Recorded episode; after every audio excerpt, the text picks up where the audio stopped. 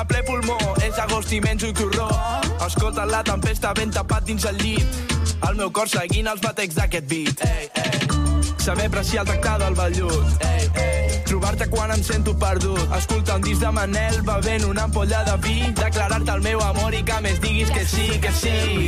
Noto la força, poso atenció, tu no posis nerviosa, pot ser petit, pot ser molt grossa en cada racó, en cada cosa t'hi trobo a tu.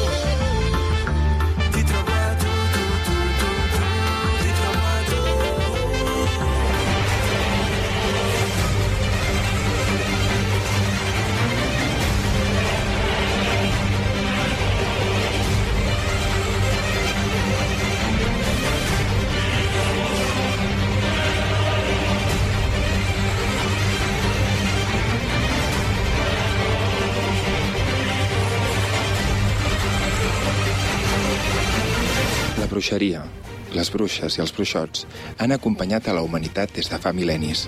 No obstant això, a partir del segle XV, aquestes idees començaran a inundar centenars de pàgines de documentació, sobretot de caire jurídic o teològic. De fet, la bruixeria tindrà un paper importantíssim a la societat i la religió de tota l'edat moderna occidental, al mateix nivell que les guerres de religió, la reforma protestant, les exploracions del segle XV i la conquesta d'Amèrica, la bruixeria és un fenomen que cada vegada més s'estudia com a fenomen històric i social. I en aquesta línia, avui, a les portes de Troia, ens disposem a ordenar les idees i els coneixements sobre la bruixeria per donar-los un enfocament històric. D'on ve la paraula bruixa? Quin és l'origen de la bruixeria? Quan es va iniciar una persecució severa contra la bruixeria? Quines característiques havia de tenir una bruixa? Què és una aquelarre? Benvinguts a l'aquelarre del dimoni. Benvinguts a les portes de Troia.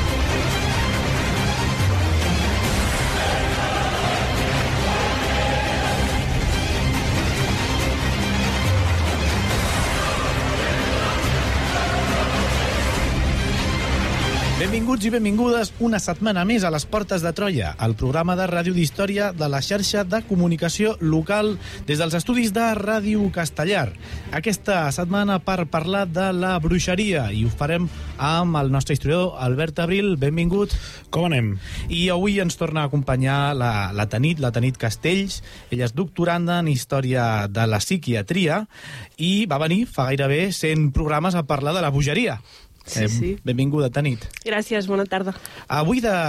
Quin tema ens portes? De què parlarem? Doncs avui parlarem un tema una mica diferent, ja. Uh, parlarem sobre la bruixeria, però més aviat sobre com es va arribar a la idea que tenim actualment de la bruixeria i a la idea de bueno, la construcció d'aquesta imatge de, que tenim tots al cap quan parlem de la, de la bruixa. A les portes de Troia. Descobreix la teva història.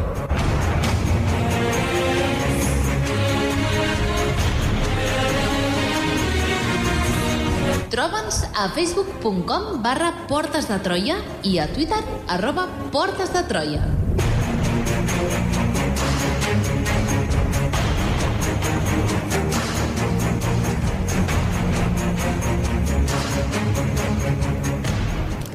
Ez dugu nahi beste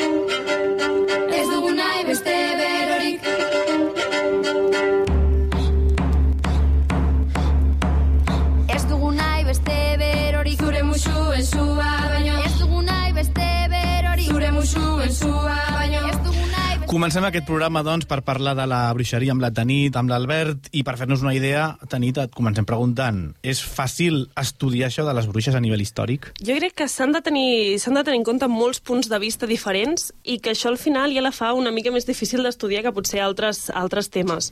Primer de tot hem de tenir en compte que la bruixeria no és un moment concret en la història, sinó que és un, és un episodi, doncs podria dir això, és un fenomen històric que s'extén durant tres segles. Llavors, fer un estudi sobre algo que dura tres segles ja en si és complicat.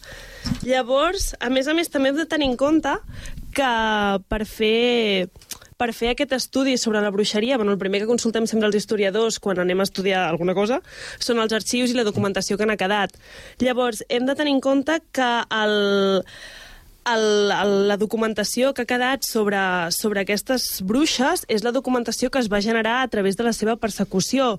El, la, la documentació que van generar els tribunals, la documentació que van generar els, els testimonis, no?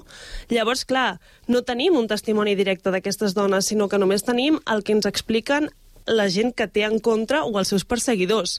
Llavors, realment, clar, no trobaràs mai un testimoni d'una dona que et digui no, mira, sóc bruixa, volo amb una, esco amb una escombra, faig aquestes cosetes...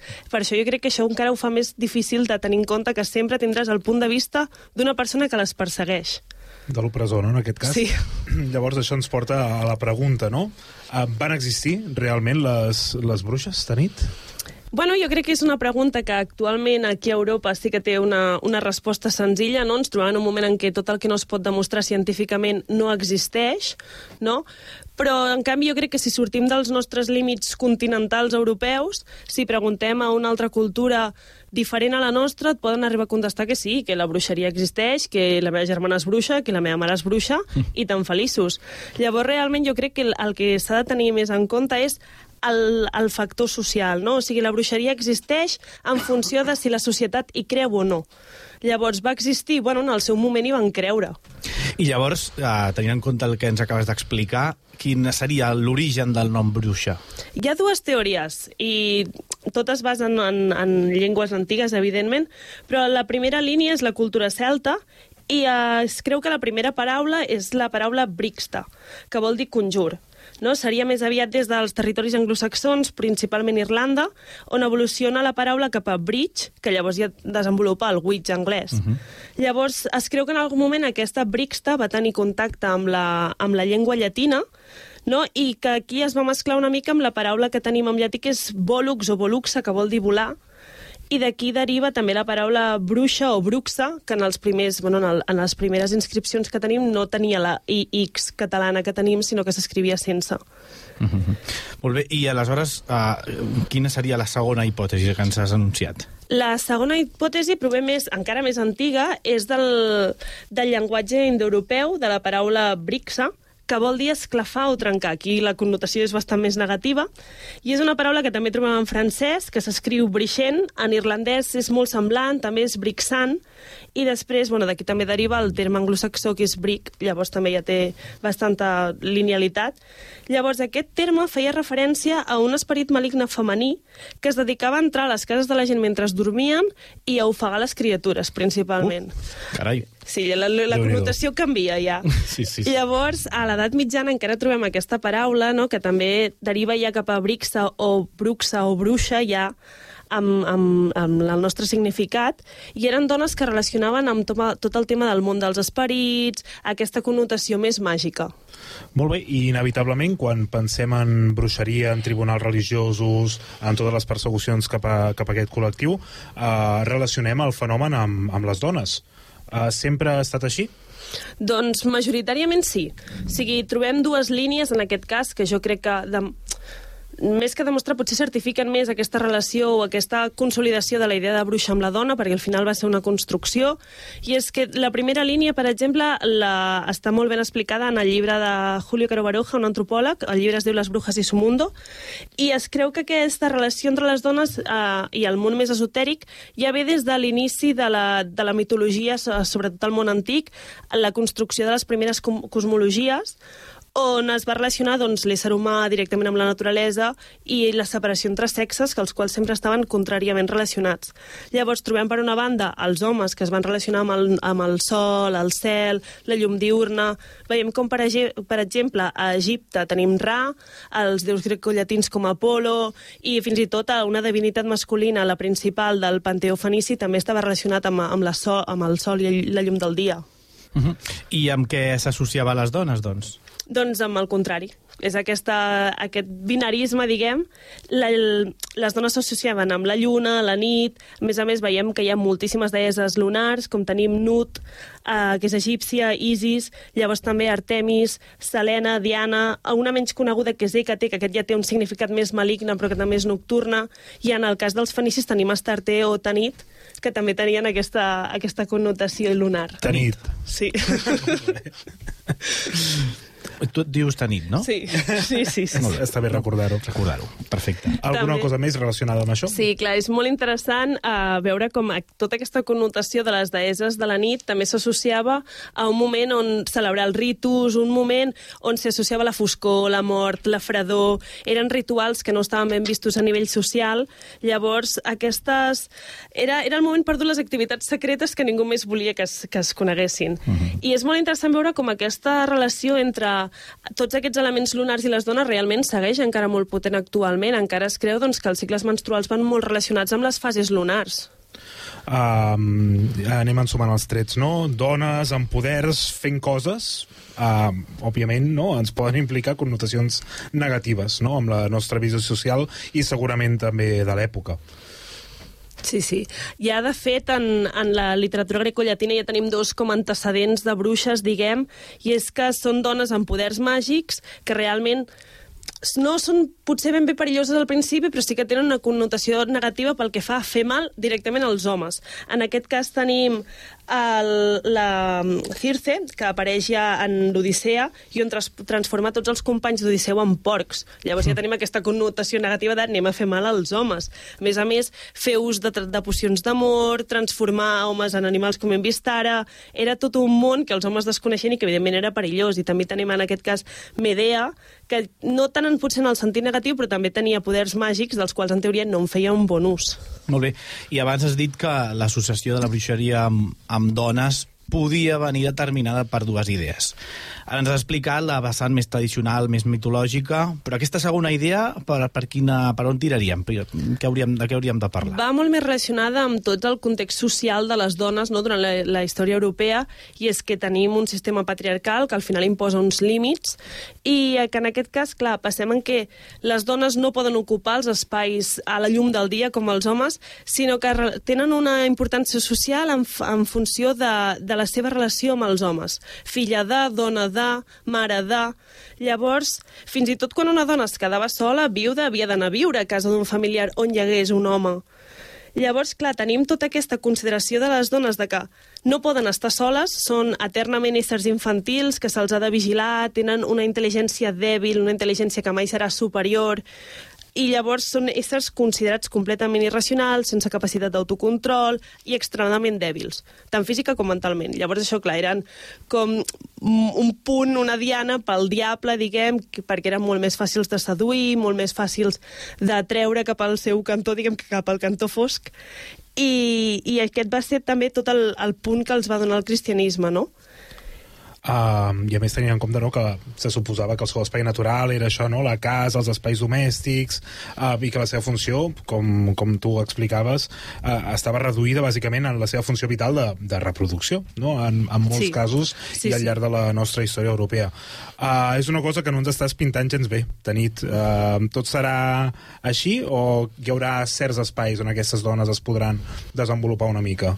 Principalment, sí que és veritat que el seu espai va ser domèstic, no van sortir gaire de les quatre parets que representaven la casa, però dins aquests espais domèstics i aquests espais pròpiament femenins, no? tal com se'ls anomena, van desenvolupar tota una xarxa de coneixement que les va portar doncs, a conèixer doncs, medicina a través de plantes medicinals i fins i tot, bueno, que això ja porta la botànica, i fins i tot una primera mm, química, no? basada en sabons, detergents. Eren eines que necessitaven pel, per doncs, poder treballar en l'espai domèstic que se'ls generaven elles mateixes. Llavors, clar, no deixa de ser una generació de coneixement. I aquesta, aquestes, aquests coneixements, a més a més, els exercien doncs, dones grans que ensenyaven a les, a les més joves, i això volia dir que era una, una línia de coneixement matrilineal que quedava fora del control masculí. Segueix-nos a facebook.com barra Portes de Troia o a Twitter arroba Portes de Troia. Descarrega't el podcast des d'iBooks o iTunes.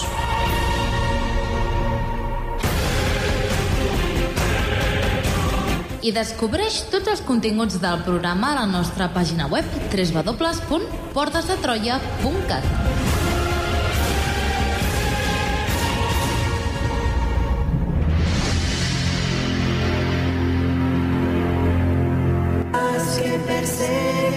que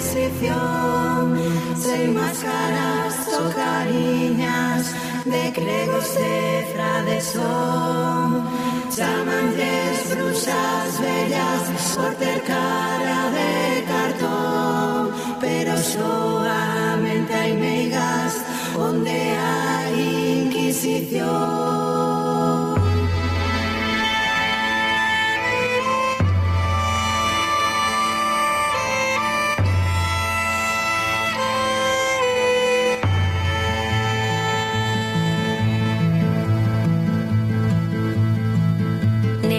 Temps de misèria, de pobles histèria, quan dues joves es van decidir. Varen emprendre un viatge sols a la butxaca i van fer cap al poble veí.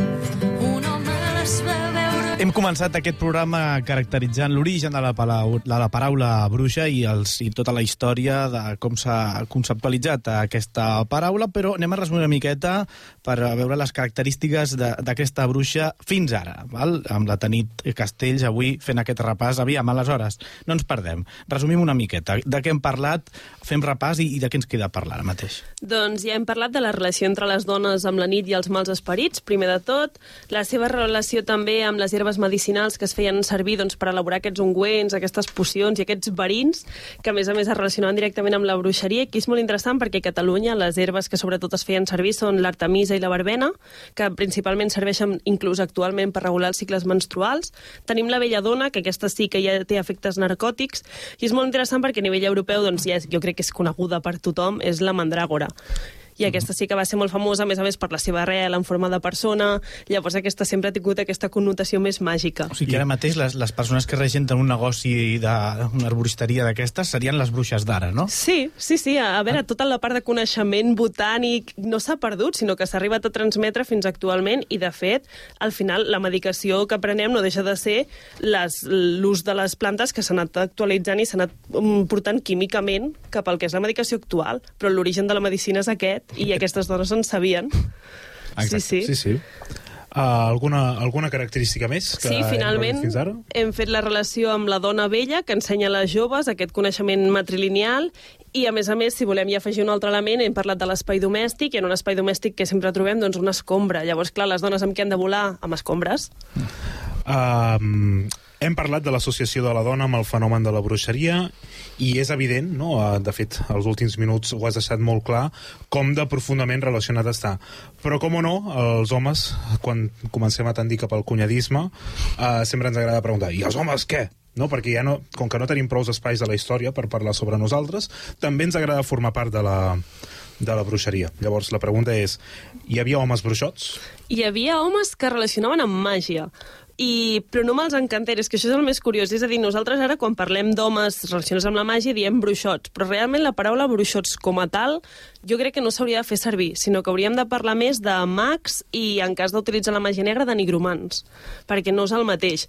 I és que, de fet, els homes, a, a nivell teòric, els trets negatius que s'associen a les dones lletges, dolentes, desapareixen. O sigui, els nigromants acostumaven... No, o sigui, acostumen a relacionar-se amb la màgia, però tota la vessant del pacte amb el diable es perd, no? Llavors, clar, els homes el que tenen diferència a les dones, que ells sí que tenien la capacitat de tenir una intel·ligència, d'autocontrolar-se, llavors això els permetia no caure en els parenys del diable i no deixar-se seduir per aquests mals esperits. Llavors, per això, és una de les raons principals pels quals hi ha menys homes relacionats amb la màgia. és, és fort, no? Com, com la dona necessita fer un pacte amb el diable per poder exercir la màgia i, en canvi, un home, no? només estudiant, només sent savi, no sé què, doncs ja en té prou, i ja pot ser, ja pot ser mag. Entrem, si voleu, en aquesta qüestió que has esmentat ara mateix. El tema dels nigromants, els hem llegit segurament en moltíssimes novel·les, però, però que, per la vessant històrica, això del nigromant què és, Tanit? El nigromant és un home culte, ja el primer de tot, és un dels punts distintius de, del nigromant. O sigui, no pots arribar a ser nigromant o mag, en cas que no vulguis fa, fer mal a ningú, sense haver estudiat. Has de tenir estudis. O sigui, siguis un mag... L'ESO mínim. Siguis, Sí. siguis un mag blanc, siguis un mag negre, Has estudiat. Sí, sí, sí, al contrari que les dones has d'haver estudiat, és lo principal. Clar. Llavors, clar, hi ha aquest factor cultural de diferència que ja és molt, molt bèstia. A més a més, eh, tot i que feien servir doncs, pràctiques prohibides, mal vistes, eren aconseguides mitjançant la racionalitat. I això ja és com, bueno, no passa res, saps? Ho està fent servir amb el... Fa servir el cervell, tot bé. Fantàstic. Llavors, clar, els nigromants eren potser el que deriva més de la figura dels augurs romans. Clar, tenien un estatus social, aconsellaven a reis, aconsellaven a, a, no- a nobles, llavors l'estatus social també canvia molt respecte a una dona. A més a més, també els nigromans tenien un objectiu, eh, sí, bueno, tenien un objectiu molt clar, que era aconseguir més coneixements. No? Quan se'l relacionava amb la màgia, acostumava a ser per llegir el futur, i aquest llegir el futur era aprendre més. Val, un moment, un moment. Aquest, aquest, ara fa poc han sigut les festes de, de Cerdanyola, del Vallès. A veure. Hi havia, una, hi havia un puesto allà de la fira medieval que deia te leo el futuro por 5 euros. O sigui, jo allà dins podia haver trobat un nigromant.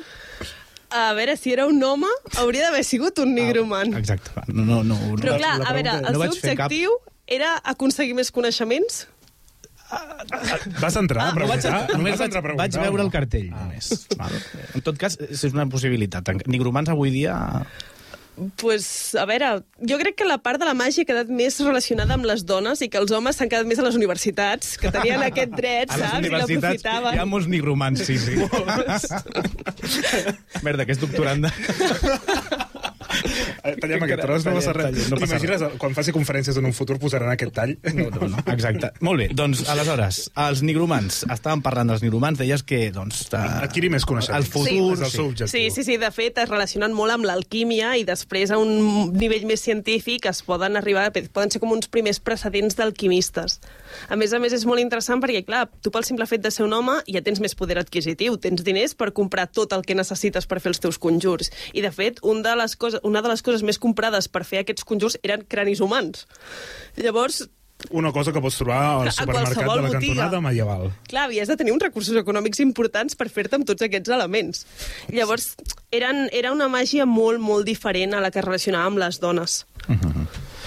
Continuem una miqueta amb el vocabulari, no? Hem parlat de bruixots, de mags, de nigromants. Uh, jo és que, en la meva línia, continuo pensant que són les tres classes de el Warlock, el Sorcerer i el Witch uh, de, o Wizard del Baldur's Gate o de qualsevol joc de, de dragones i mazmorres. Uh -huh. Així que em sembla fantàstic. Però és que no hem parlat encara de la diferència entre bruixa i fatillera. Fatillera. Fatillera. Va. Sí, sí. La fatillera, clar, jo crec que en català potser no fem un ús tan... Quan en parlem de bruixa ja ens referim a tot, però realment hi ha una distinció entre els tipus de bruixes i el tipus de màgia. I és que la fatillera seria com la hechiceria castellana, que ja canvia respecte a la brujeria. De fet, la connotació és una mica diferent. I és que entre, hi ha molta diferència en les seves pràctiques. Tenim la, la fatilleria, que en la cultura popular, normalment pels seus conjurs, no, feia servir doncs, elements físics, feia servir cordills, feia servir espelmes, agulles, miralls, inclús aliments. Quasi tot era d'espai domèstic. Com hem dit, eren dones, realment eren els recursos que podien adquirir. A més a més, elles feien sortilegis d'amor, normalment. I, de fet, el, el, el sortilegi més recurrent quan es tractava doncs, d'enamorar algú o de desenamorar era fent usos en un cordill o en una tela.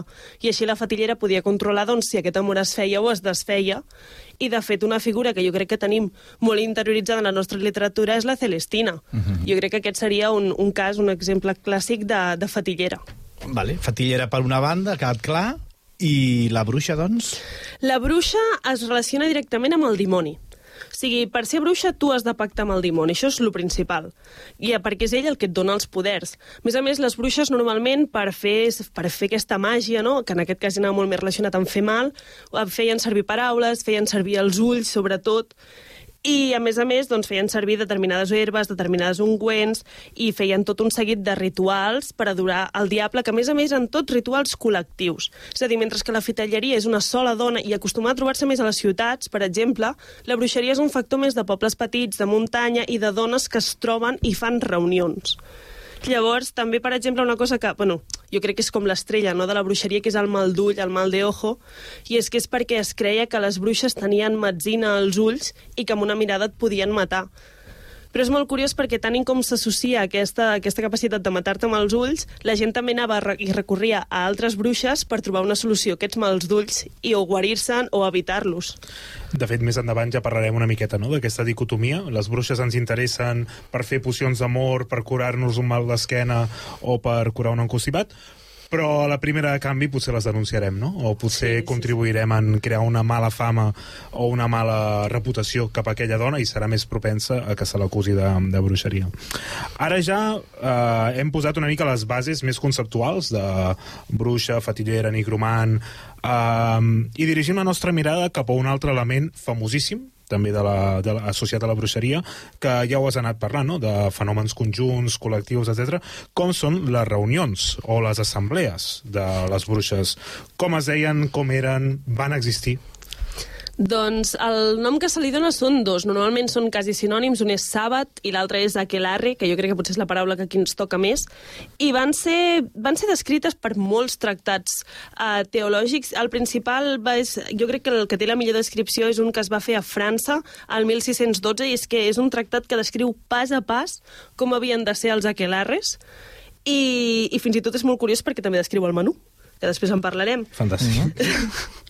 Llavors, eh, aquests rituals començaven, doncs, sempre havien de ser de nit, principalment, i en mig d'un bosc.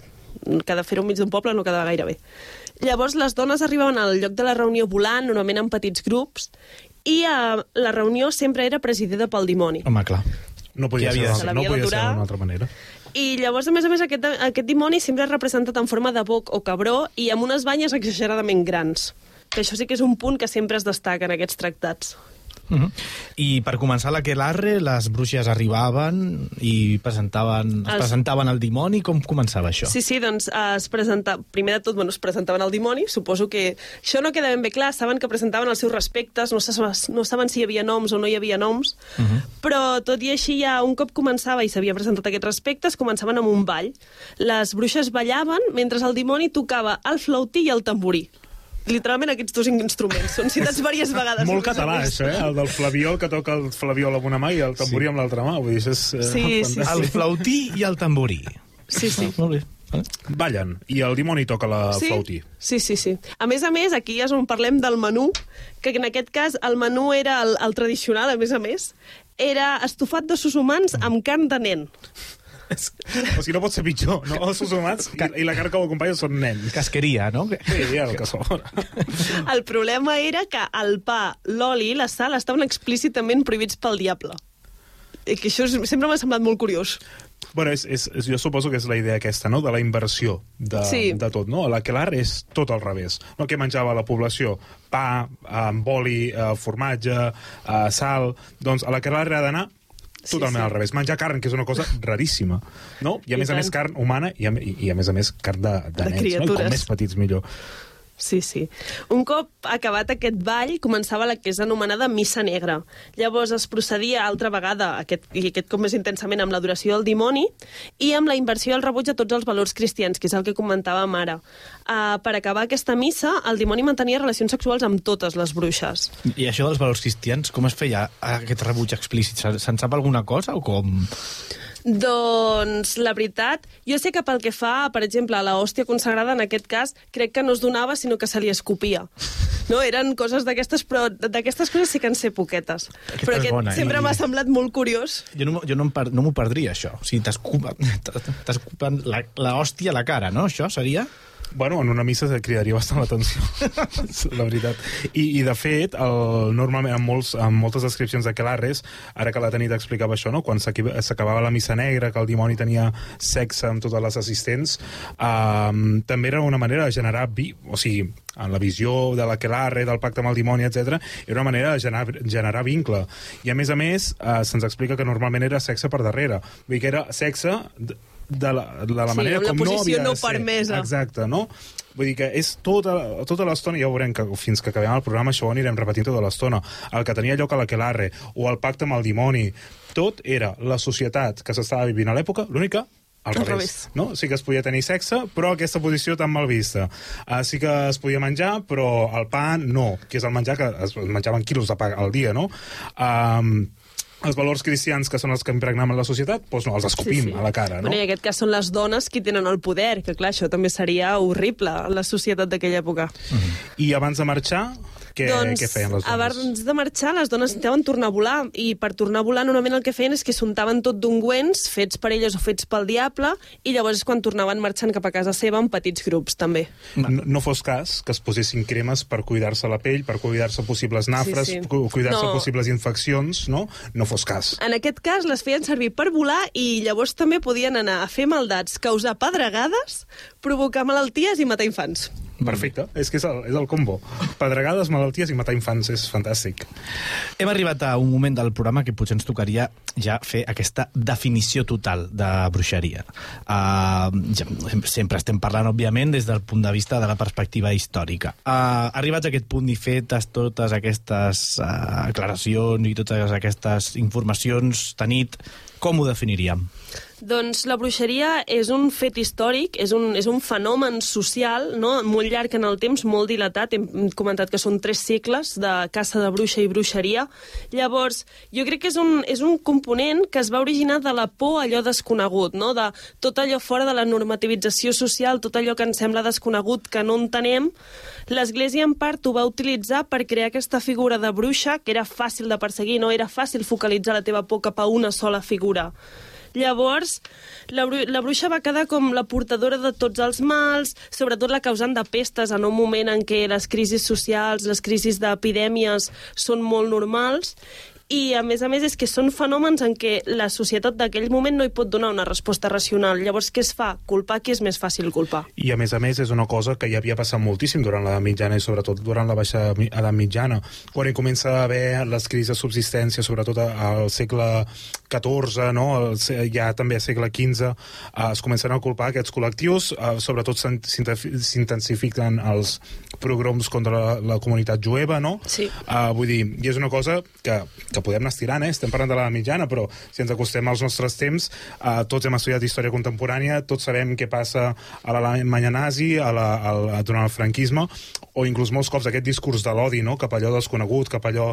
Bueno, redirigir tota la ràbia social, tota la frustració mm. social, cap a un enemic comú, que molts cops és una minoria, que molts cops és desafavorit, però no necessàriament, no? Últimament també hi està havent moltes manifestacions pel que fa la, al tema de l'amnistia i tot això, i el discurs de l'odi és que és, és, és brutal com es diversifica, no? Que si mormons, que si no sé què, que si comunistes, que... Bueno, que... De fet, bueno, tenim la caça de bruixes del segle XX, que és clarament el mateix vocabulari d'època medieval extrapolat contra els comunistes. Cap, a, i cap als Estats Units, sí, no? Sí, vull sí. dir que, que és, és, és fascinant, vull dir que als Estats Units també hi ha casos de, de bruixeria, però és fascinant, no?, com tot això ens ho podem anar estirant, no? Parlant de bruixes, parlant de comunistes, parlant de rojos, parlant de, del que sí, sigui. Sí, sí, tant. A les portes de Troia. La història a la ràdio. Descobreix tots els continguts del programa a www.portesdetroia.cat.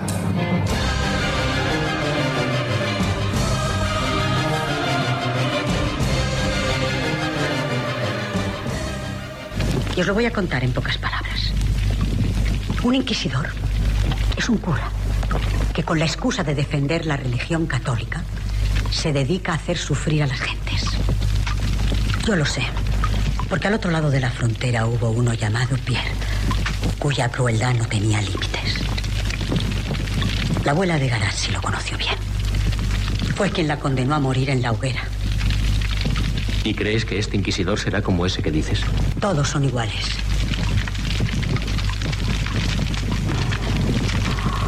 Hoy no luce la luna llena en el cielo. Ni es sábado. Estamos aquí reunidos porque el mal ha llegado al valle. Y para demostrar que no tenemos miedo de ese inquisidor ni de sus máquinas de tormento. Claro que no tenemos miedo, pero sin embargo debemos estar preparados. Lo estaremos. Comencem la recta final del programa amb aquest fragment uh, d'una pel·lícula que a mi em sembla fantàstica per parlar sobre aquest tema, que és una pel·lícula que es diu literalment Aquelarre, de, que la va dirigir uh, Pedro Olea amb un altre codirector que no recordo el seu nom, però que va, va sortir l'any 1984. Uh -huh. És una pel·lícula bastant clàssica, però jo penso que il·lustra molt bé la paranoia uh, social al voltant del fenomen de la bruixeria, perquè tot es desenvolupa en un poble de mala mort, és un poble petitíssim, veurem que tot el procés el porta també un tribunal local, no? que sí que fan referència a la Inquisició, etc. però tot el procés el porta això, un tribunal local, que això desmenteix un dels tòpics que penso que la societat tenim més sobre el tema de la bruixeria, és que la majoria de les persecucions, ja ens ho explicarà la tenim més endavant, no les fa ni la pròpia Inquisició, sinó que són tribunals locals escudats amb tot de manuals, amb tot de temes jurídics i, òbviament, escudats amb la Inquisició, que es dediquen a perseguir aquestes persones. Llavors, aquesta pel·lícula, que fins fa relativament molt poc estava completa al YouTube, Uh, ara no sé, no sé, crec que es pot trobar a Amazon Prime però pagant alguna, alguna cosa extra i això és una... Cada, cada cop costa més trobar pel·lícules senceres a YouTube. Sí, sí, sí, sí. I penso que el fet de que l'hagin de que l'hagin tret ve arran de que la, la primera cançó que hem escoltat d'aquest programa és la banda sonora de la pel·lícula Calarre que va sortir el 2020, 2021. 2021, sí, sí. Alguna cosa així. Aquesta està a Netflix, la nova. Ah, mira, perfecte. um, doncs jo penso que la van treure potser arran d'això també, perquè jo recordo que aquesta pel·lícula la vaig durar, mirar durant la carrera, que no, que no fa tant, no? Tenim que vam estudiar.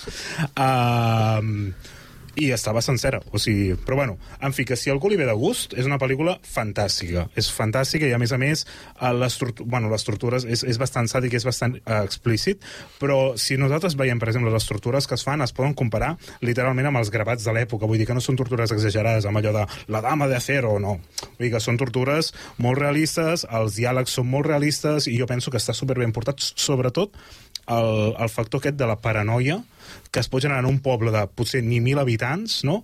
cap, a una, cap a una sola dona, sí. només pel fet de la seva fama, de la seva... bueno, de posar-la a la bruixeria.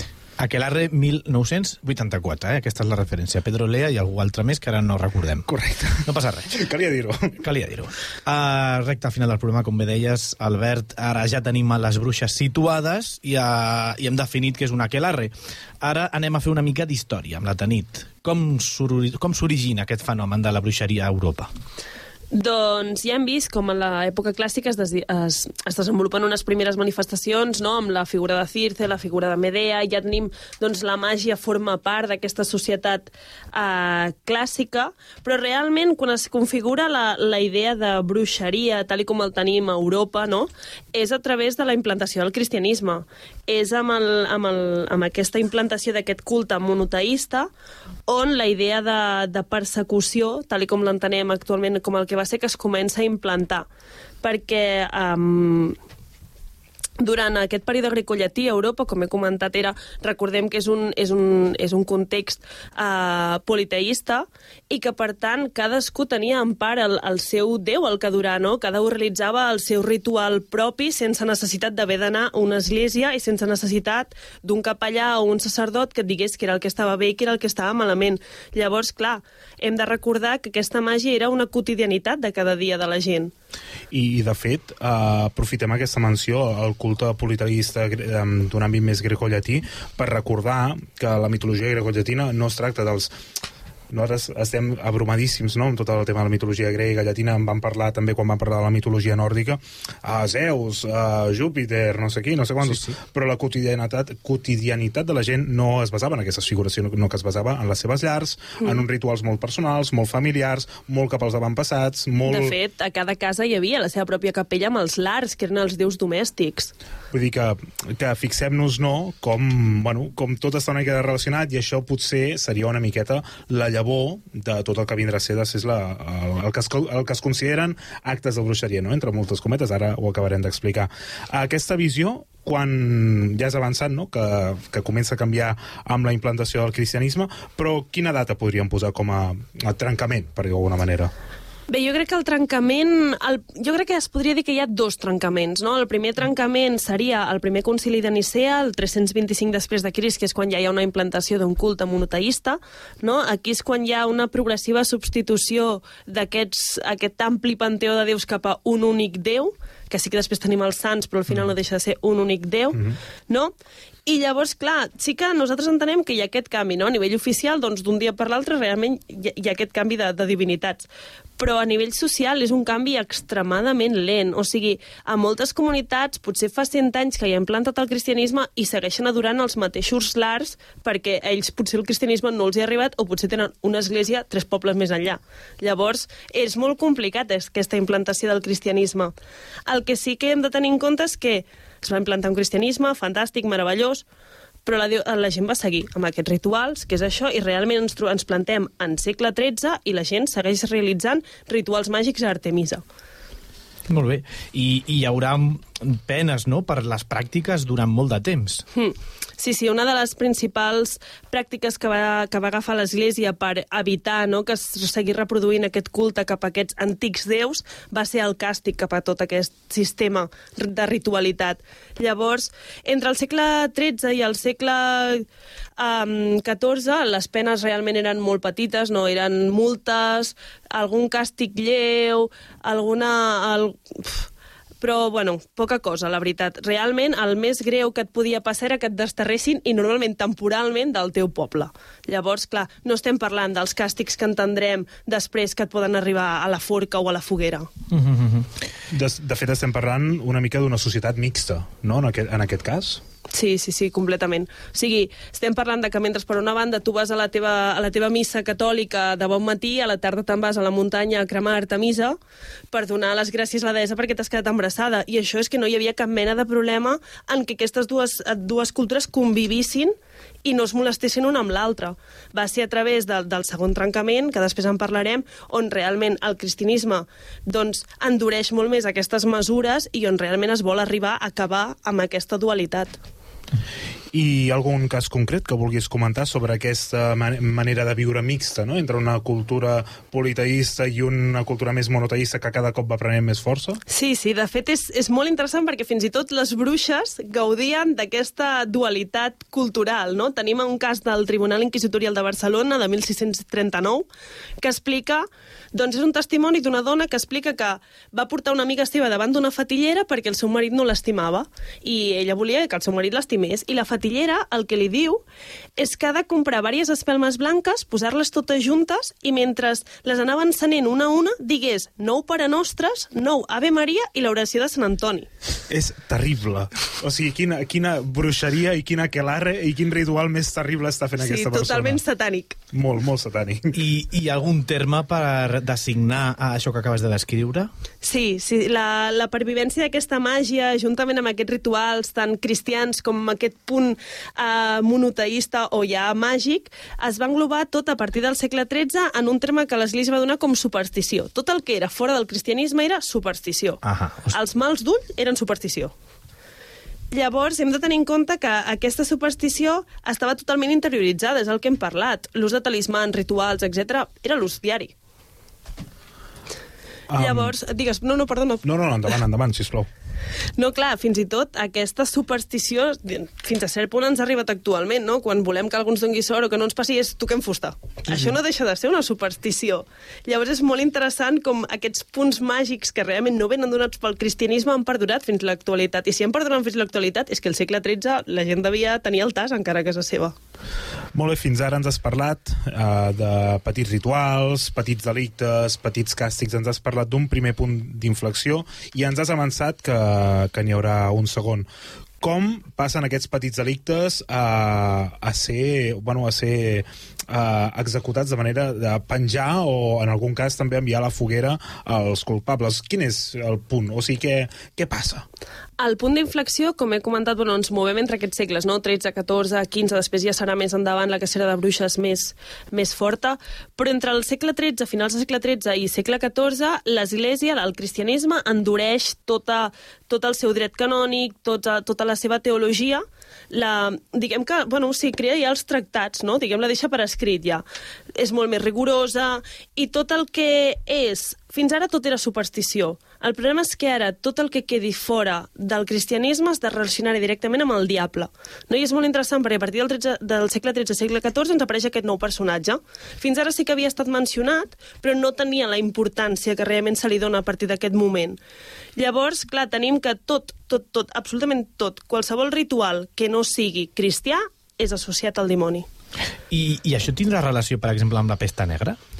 La pesta negra serà un dels factors que creïn aquesta paranoia social on tot, eh, tot es relacioni amb el diable. La pesta negra, el 1348, va ser un punt de trencament molt fort en tot el que és l'Europa occidental, o sigui, va morir la meitat de la població europea.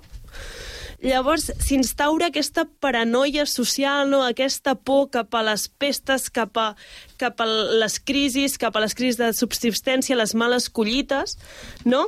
Llavors tenim com l'Església aquestes pors les ha de vincular a algú. Al final, ells tenen una riquesa que la resta de gent no tenen i això s'ha de treure per alguna banda. O sigui, s'ha de dir que nosaltres ja estem fent bé al, a la població, nosaltres us defensem d'alguna cosa, no? I aquesta cosa que serà el diable. Qui crea totes aquestes males collites? El diable. Qui causa la pesta negra? El diable. I qui són les seves seguidores? Les bruixes. Però és que, a més a més, això va molt lligat amb l'avenç europeu cap a l'edat moderna, no? El fet de tu estàs dient, no? La, la teologia cristiana cada cop és més dogmàtica, cada cop ho té més escrit, cada cop és més radical en aquest sentit. Um, i això no ha de ser un símbol de la desaparició de la mitjana, i això a l'Alberto li encantaria, perquè ell en molts programes, quan ens ha parlat de criatures fantàstiques, de mapes medievals, la concepció o l'imaginari de la gent de la mitjana era capaç no, de viure en aquesta dualitat, d'entendre que hi havia realitats màgiques, que hi havia persones que podien fer beuratges i remeis que no sabies ben bé, però com, però et curaven o t'ajudaven, i alhora anar a missa, no? O eren capaços d'imaginar-se que en un mapa que si anem més enllà de les Illes Canàries, doncs potser hi ha dracs. I no passa res. Sí. I de fet No? els dibuixaven, I els en els dibuixaven. mapes, que és una passada veure com en continent desconegut, que hi ha gegants. Però, I no hi havia cap mena de problema en tenir aquesta mena de dualitat, no? O sigui, tu pots tenir una vida perfectament normal, racional, tenir, ser totalment cristià, fer rituals a la tarda, com has dit tu abans, i imaginar-te que a l'altra punta del món, doncs això, hi ha gegants, hi ha dracs, hi ha serps enormes, i això és, una, és, és tan bonic i és tan preciós i ens queda tan il·lustrat i tan ben descrits en, en, aquest texto, en aquests textos que els que ens agrada més la mitjana, no? veiem com això cada cop que anem avançant més cap a l'humanisme, cap al racionalisme, sí. són coses que cada cop es van perdent. És l'edat moderna, és aquest trencament, a més a més, ja no només amb aquesta canonització de la, del cristianisme, sinó també amb l'aparició de l'Estat ja confessionalitzador, centralitzat, com l'Església comença a estendre tots els seus braços per tot arreu, no hi ha poble que no tingui Església, a més a més, amb una ideologia completament rígida, misògina, intolerant. Això serà un gran trencament social, jo crec. I llavors serà més o menys a partir d'aquest període, no? Ja ens estaves dient, eh? Segles eh, 13, sobretot el segle XIV, no? El segle Mm. XIV és les crisis de subsistència que desemboquen en la, en la pesta negra, etc.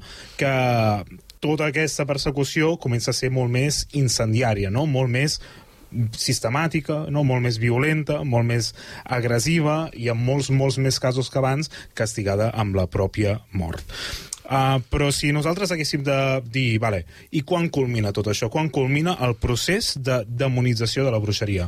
Amb què passa o quan passa? Doncs jo crec que aquest és un punt força fàcil que tots sa- sabríem puntualitzar. Jo crec que és que és el segle XV amb la- amb l'aparició la, del manual per excel·lència de persecucions de bruixes, que és el Malius Maleficarum, el mil, bueno, entre 1486 i 1487, hi ha diverses versions, escrit pels dos inquisidors germànics Heinrich Kramer i Jacob Spenger, i és que ells sí que van ser els principals bueno, els, els autors principals sí, de, de tot l'arquetip de bruixa com a tal i com a directament vinculada amb el dimoni.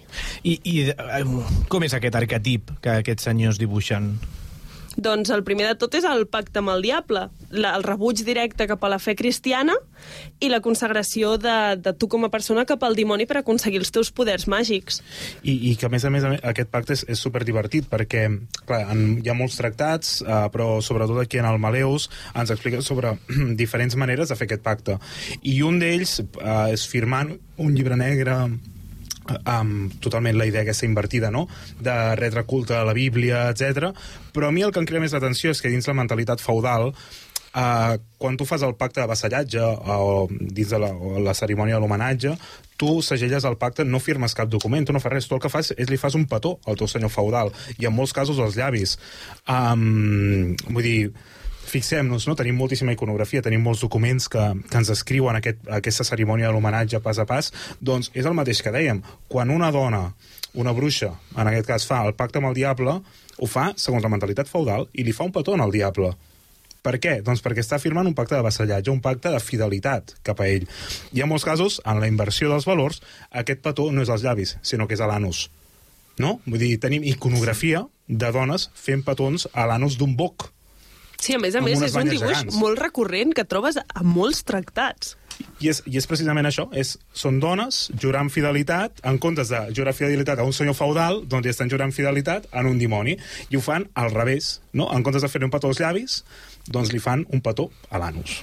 Sí, sí, i és aquest petó el que ja ens porta al segon punt de, de l'arquetip de bruixa, que és la marca del dimoni. O sigui, tu quan jures fidelitat a algú, el dimoni et deixa la marca de bruixa, que acostumaven a ser pigues, cicatrius o petites coses que pots tenir pel cos, doncs, que pot tenir tothom realment, i que, a més a més, s'associaven directament al dimoni. El següent punt dins, el, dins aquest arquetip de bruixes, la participació en aquests aquelarres o sàbats, els que ja hem comentat, i finalment és molt interessant perquè se'ls atribuïa la capacitat de la metamorfosi, no? de que les bruixes no només podien transformar a altres persones en, en animals, sinó que elles mateixes també es podien transformar en animals. Llavors és molt interessant com, per exemple, en un judici de bruixeria a Escòcia, un home testifica que ha vist una dona transformar-se en un gat negre i que al mateix temps la cervesa se li ha tornat uh, àgria. No, no pot ser. Havia de ser escocès. escocès saps? a, a més a més, en molts relats de bruixeria sempre apareix el, el, el gat negre, no? Vull dir que el gat Sí. sí. negre és un, que actualment inclús sempre l'associem a les... Bueno, a la, a la, A la mala sort, a més a més, també. Dir, Lo tiene todo, lo tiene todo. Aleshores podríem dir doncs, que aquest Maleus Maleficarum el que fa és oficialitzar mm, la visió occidental del que significa ser bruixa. Sí, jo crec que a nivell oficial sí. O sigui, a nivell de teologia cristiana sí, però també és això, no? Seguim convivint, tot i que hi ha aquesta persecució, seguim convivint amb totes aquestes idees de rituals màgics i no de... O sigui, al final aquestes dones perseguides no deixen de ser dones que participen en la comunitat i que compleixen una funció social. Al final, tot el que englobem dins els coneixements d'una bruixa no deixen de ser una mescla de botànica, zoologia, meteorologia, medicina, el que ara atribuïm a la ciència realment. Llavors, quan una comunitat amb malaltia què es feia? Anar a parlar amb la bruixa. Quan es perdia alguna que es feia? Anar a parlar amb la bruixa. Són, són persones que compleixen una funció social i que sí que és veritat que el Malius oficialitza una persecució i un arquetip de, de bruixa, però que aquest arquetip només s'agafa quan interessa. I ja per anar acabant una miqueta, um, ho, vam, ho hem avançat abans, ara també ho acabes de, de, de comentar, que és curiós no, com la pròpia comunitat busca l'ajuda de les bruixes, entre, entre cometes o sense cometes, però també són normalment els, els propis veïns no? els que són capaços d'acusar aquestes dones que potser els han fet un beuratge per curar el mal de cap, o una poció per, per dormir més tranquils, o mastegar unes herbes perquè no sé què, o un ritual d'encendre espelmes i resar quatre pares nostres i dos Ave Maries. No? Com, com ho valores tu, això? Jo crec que és una gran capacitat que tenim a nivell social de viure en dos, en dos sistemes que es poden arribar a perseguir sense cap mena de problema, inclús a contradir. No? Tenim aquesta capacitat de viure i, a més a més, fer-ne ús dels dos. No? Sempre i quan aquests dos sistemes ens beneficiïn, seguirem fer-ne ús sense cap mena de problema. I si hi ha una bruixa, ui, jo no en sé res perquè a mi m'ha curat una malaltia, no la denunciaré. Però què passa quan aquest sistema ens deixa de beneficiar? Què passa quan hi ha algú que ens fa por o ens ha malmès? Hem de culpar algú. I aquí jo crec que és una culpa doncs, a les bruixes, als jueus, a qui sigui. Llavors jo crec que és aquesta, aquesta dualitat de la que sempre parlem, no? de sempre i quan hi hagi un benefici per la comunitat, la deixarem viure tranquil·la. En el moment en què ens perjudiqui ja no. A més a més estem parlant de bruixes, de jueus, de qualsevol minoria que són vulnerables a nivell social, no, no tenen una protecció davant l'acusació de tot un veïnat. I jo crec que això dificultava bastant la seva també defensió, no? en cas de quan l'acusen d'una malaltia. Tu com a dona, quin, quina veu tens per defensar-te de tal acusació? Llavors jo crec que és la, la part més interessant de tot el sistema de bruixeria és la dualitat social de la que parlem. I, i a part, i perdona eh, que intervingui aquí, però a part de ser una qüestió de gènere, també és una qüestió de classe. Perquè si tu eres una dona de família noble, ben posicionada, de la, uh, superprivilegiada, molt rarament series acusada de bruixeria, i si és acusada de bruixeria tindràs els teus mitjans per sortir-te'n. Sí, tant podia ser mal vista. O sigui, que et deixessin, que ja no et convidessin als balls. O no. Però, clar, realment no s'arribava a un judici tal com en un poble petit. També s'ha de dir que, clar, a tu al ser d'una èlit cultural, també jo crec que hi ha un nivell cultural que a la vegada hi havia una mica de rebuig cap a aquesta cultura um, de classe baixa no? Que, no pas, que no es movia tant en les èlits. Llavors jo crec que era més difícil que et relacionessin amb, tal com una bruixa. Molt bé, doncs no tenim temps per més. Uh, moltíssimes gràcies, Tanit Castells, avui per explicar-nos d'aquesta manera tan magnífica la història de la bruixeria aquí a les Portes de Troia. Moltíssimes gràcies. Sí, sí, tant espero tornar. Molt bé. Uh, Albert Abril, moltíssimes gràcies. A tu esperem que tornis. L'Adrià Tirado, al control... Algun dia haurem d'acabar de fer aquesta brometa. Esperem que tornis. Sí. No sé, no, estàs, no, no pots trencar la màgia de la No la ràdio. pots trencar? No Molt pots. bé. Adrià, Adrià Tirado al control tècnic i us parla Sergio Rodríguez i nosaltres us esperem la pròxima setmana, potser amb la Tanit, potser no, Potser no. amb qui sigui, aquí a les Portes de Troia. Moltíssimes gràcies.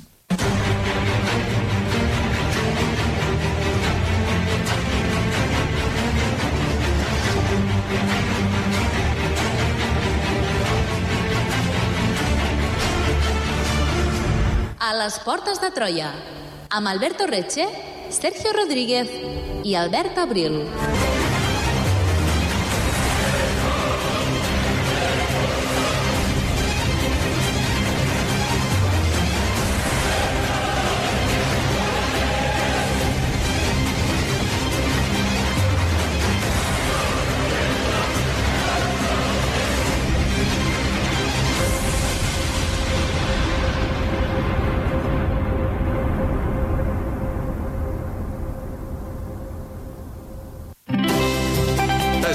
Ràdio Seu on i quan vulguis. Entra a l'apartat de ràdio a la carta de la nostra pàgina web i tria allò que més t'interessa de la nostra programació. Els informatius, les entrevistes, els programes musicals, culturals i esportius, la programació especial... On i quan vulguis, Ràdio Seu. A la carta des de la nostra pàgina web radioseu.cat.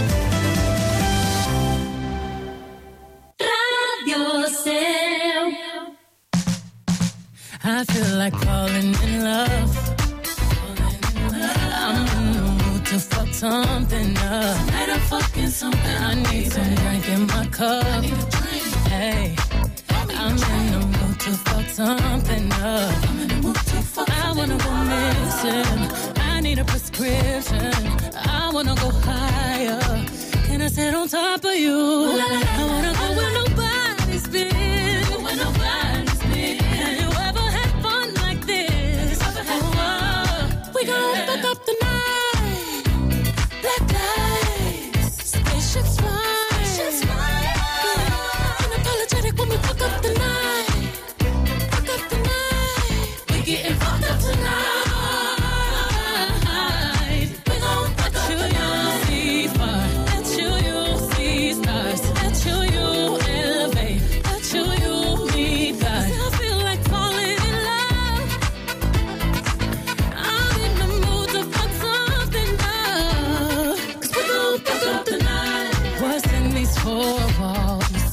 my love. Don't miss this roll call. Did you hear a word? Show up, show up, show up, show up. Pow up, pow up. Uh, you Mr. Nasty. I clean it up. Go where nobody's been. Go where nobody's been. Have you ever had fun like this? Had fun? I wanna go missing. I need a prescription. I wanna go higher. Gonna sit on top of you. We gon'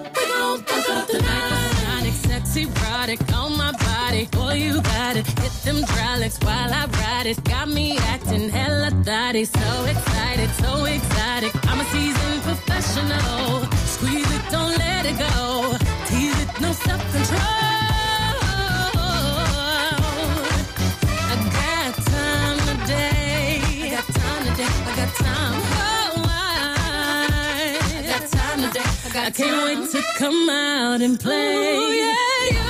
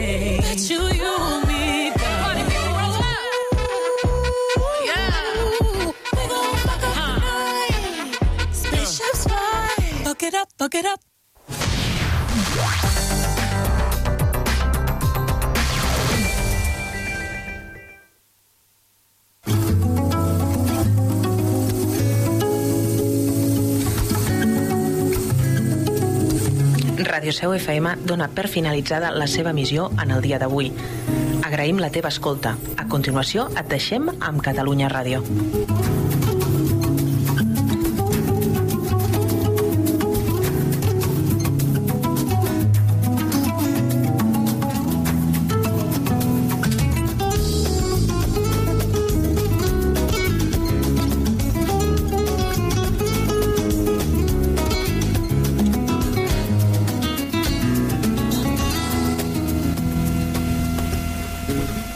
Fixat en uns altres números. Estuani li ha fet 3 gols a l'Atlètic Club de Bilbao. 3. Sí, sí. Ah, per cert, un, un detall, que no, no deixa de ser un detall. Uh, hem vist la càmera dins el túnel de vestidors just quan sortien els jugadors i David López, t'hi has fixat, Sí, eh, Susi? sí, sí, sí, sí. David López s'ha acostat